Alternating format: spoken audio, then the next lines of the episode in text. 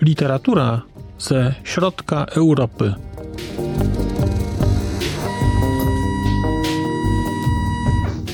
Podcast około książkowy.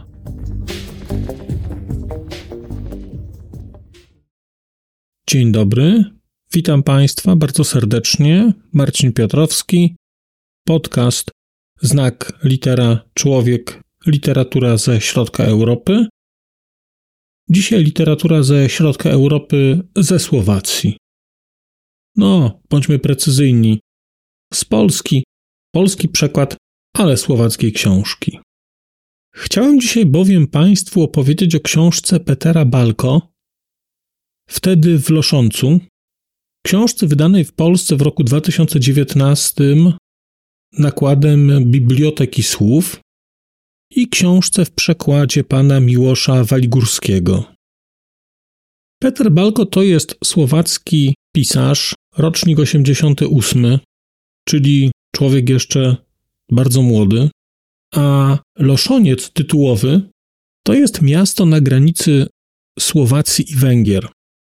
I ciekawe jest to, że nazwa tego miasta będzie różna w zależności od tego, kogo Państwo o to zapytacie.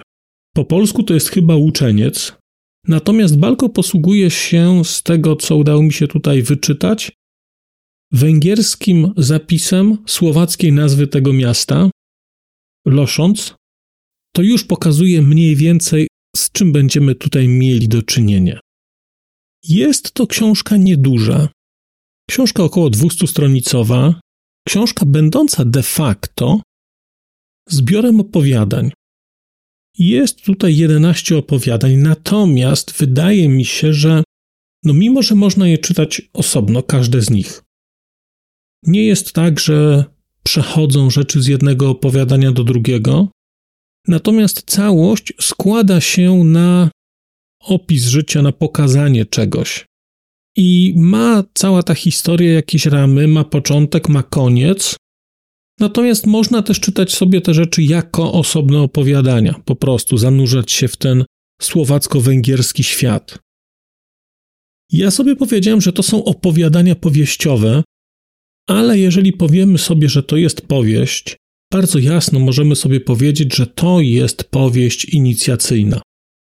To jest wysokiej urody powieść inicjacyjna, która pokazuje dojrzewanie chłopców, bo to jeszcze nie mężczyzn, chłopców w wieku 8-9 lat. Dojrzewanie na słowackiej prowincji, dojrzewanie na styku kultur, w miejscu, gdzie pogardza się czasami Słowakami, czasami Węgrami, gdzie zasadniczo pogardza się wszystkimi.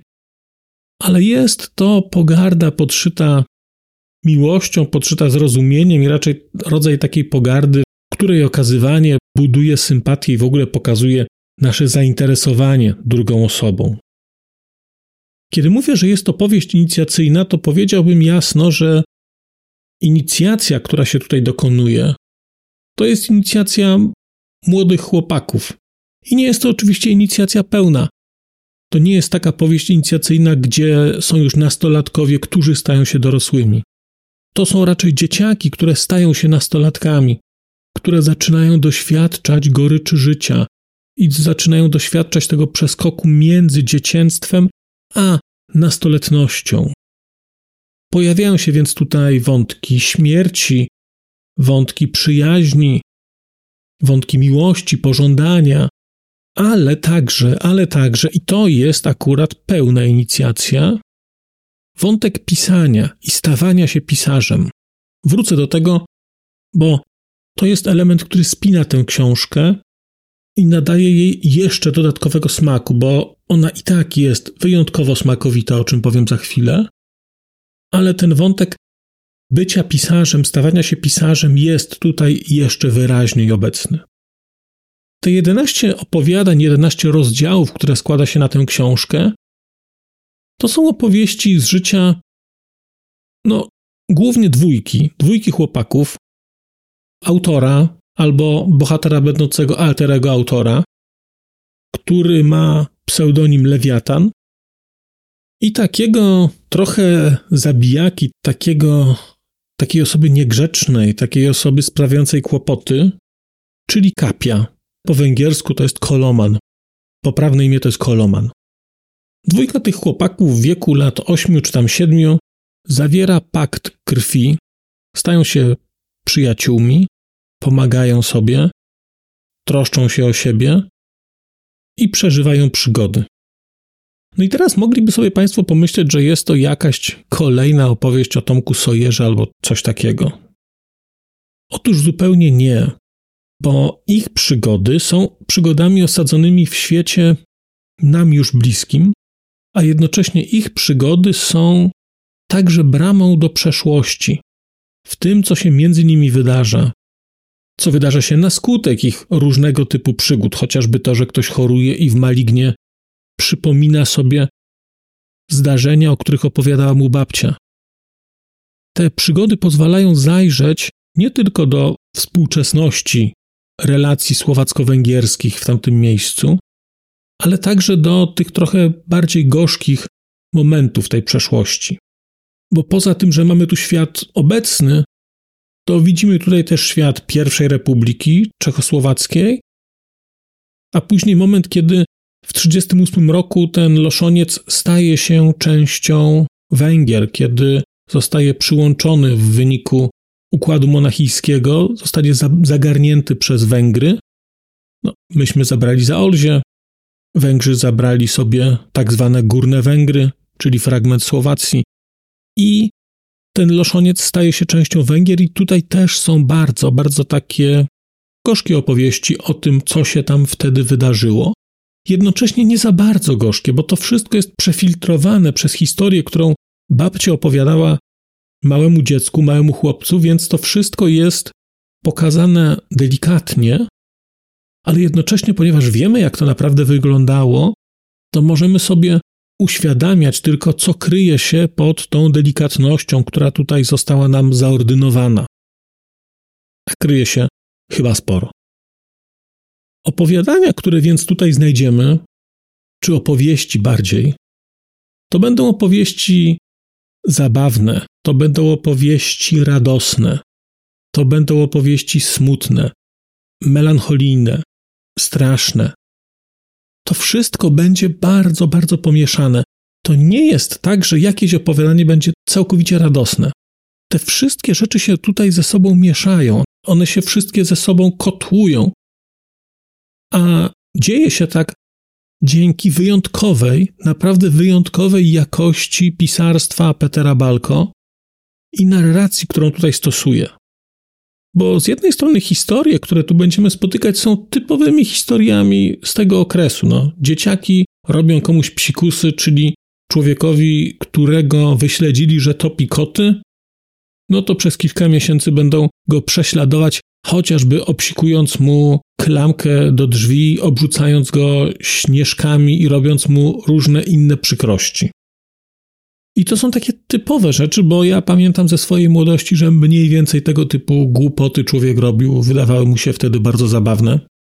No jak teraz na nie patrzę, to też mnie bawią, aczkolwiek osoby, które na przykład miały okna obrzucone błotem, to dla nich to nie, nie było takie zabawne chyba, ale nas to bawiło wtedy bardzo.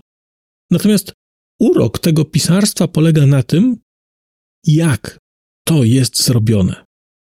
Bo poza historiami, które i tak są z natury, tutaj bym powiedział, radosne, chociaż nie wszystkie, bo są tu bardzo gorzkie historie, takie bardzo prawdziwe o śmierci rodziców, przyjaciół na przykład, to mamy tutaj wyjątkowej urody, wyjątkowej urody, nie wiem jak to ująć, albo inaczej. Powiedziałbym tak. Wtedy w Loszącu to jest wspaniały przykład środkowoeuropejskiego realizmu magicznego. Tutaj z jednej strony mamy historie prawdziwe, które są historiami, no, takie, które się zdarzają. Natomiast mamy też sytuacje, które zdarzają się rzadziej, no bo na przykład koza czytająca poezję nie występuje powszechnie w tej części świata. I sytuacja, w której koza śpi na piecu, która czyta poezję, bo jest mądra, a rodzina śpi na podłodze, też nie zdarza się często. Tutaj tego typu rzeczy się zdarzają. Ten realizm magiczny też jest tutaj podsycony taką słowacką przesądnością, taką wiarą w magię, w to, że na kogoś można rzucić klątwę, że tam jakaś kobieta rzuca na kogoś klątwę. Cudowne historie dotyczące balu szkolnego i tego, jak, jak wybrać królową balu poprzez oderżnięcie głowy kurczakowi. Sporo tu jest takiej magii. Ta magia nie jest nazwana, ale ona się tutaj bardzo wprost pojawia, taka przesada. Ale właśnie, słowo przesada jest chyba najistotniejsze. Bo poza rzeczami magicznymi, to rzeczy magiczne to jest magiczne. No jak ktoś Państwu powie, że była koza, która czytała poezję, no to pomyślicie sobie, no ciekawe. Natomiast duża część tych opowiadań, czy historie, które są w nich zawarte, to są historie, które są tak przesadzone w takiej nierealności, że baron Minhausen to jest małe Miki i czytając Petera Balko, to myślę, że mógłby się uczyć. Jego historie są naprawdę niczym w porównaniu z tym, co tutaj się wydarza. Kiedy dowiadujemy się o historii jakiegoś nożyka, który ktoś komuś daje, to mamy siedmiostronicową historię, która wychodzi od wieku XVIII i jest tak absurdalna, że zahacza o wikingów, zeżarcie przez wieloryba, czterech władców oraz Franciszka Józefa przebierającego się w ciuchy kobiece i biegającego po Wiedniu.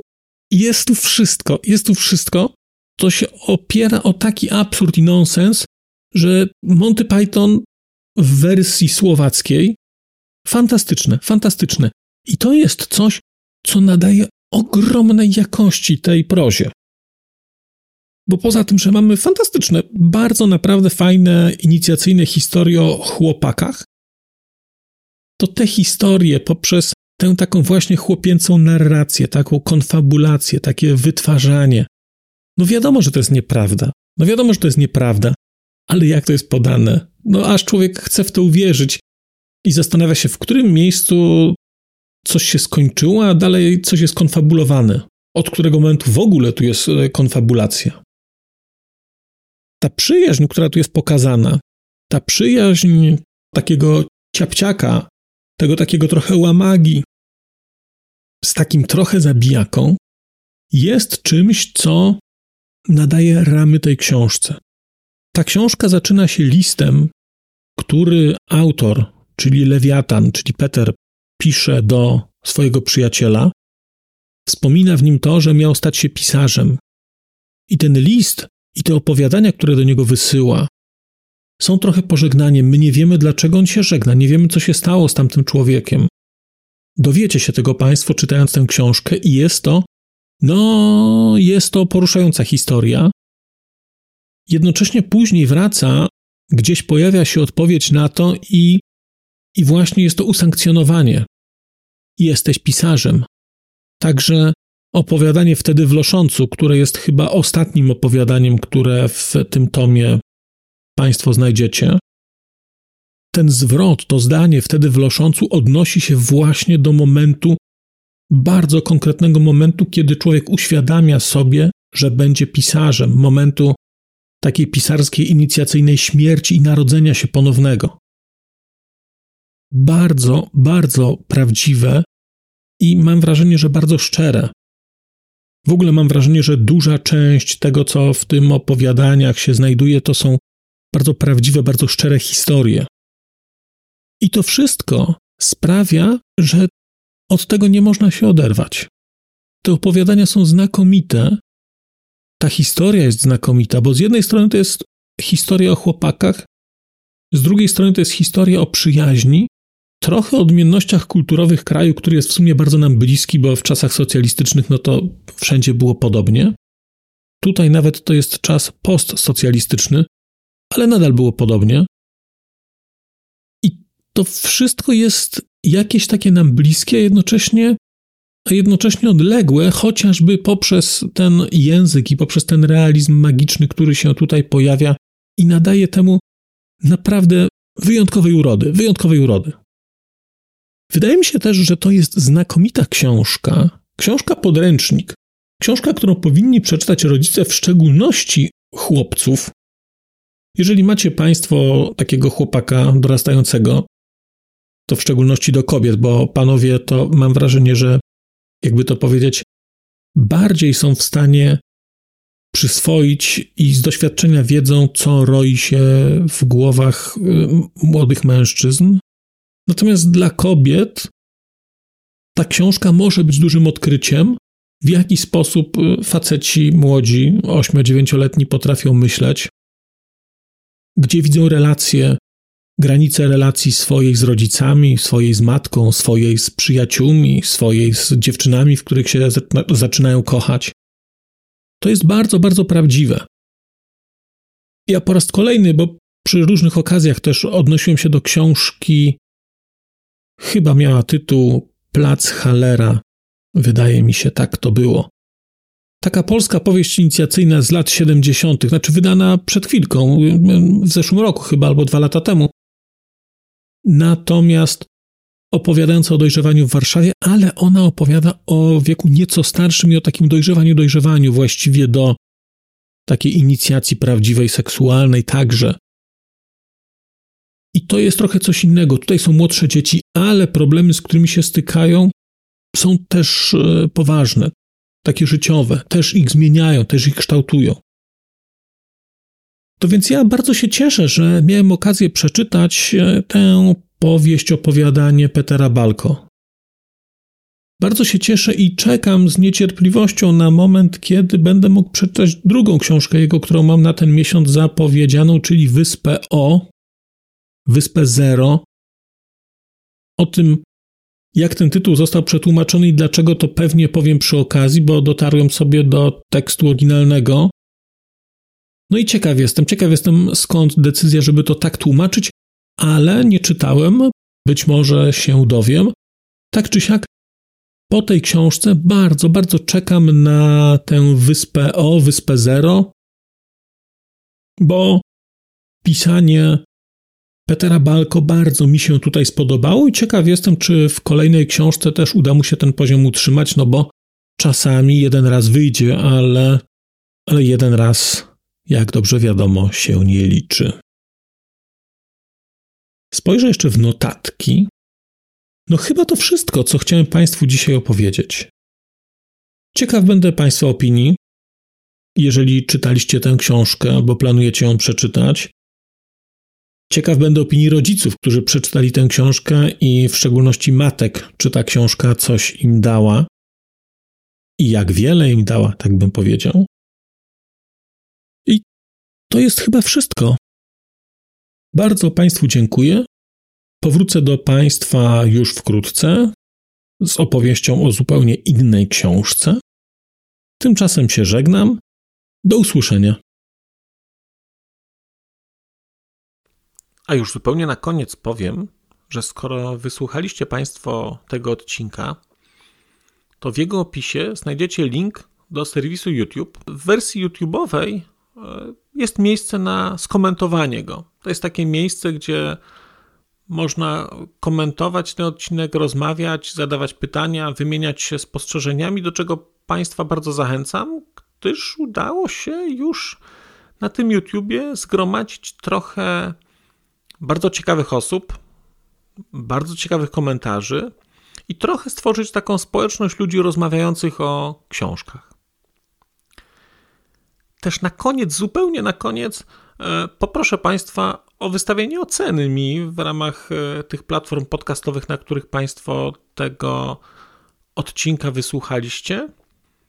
I nieważne jaka ta ocena będzie, istotne dla mnie po prostu, że będzie. Tymczasem się żegnam już naprawdę i do usłyszenia za czas jakiś.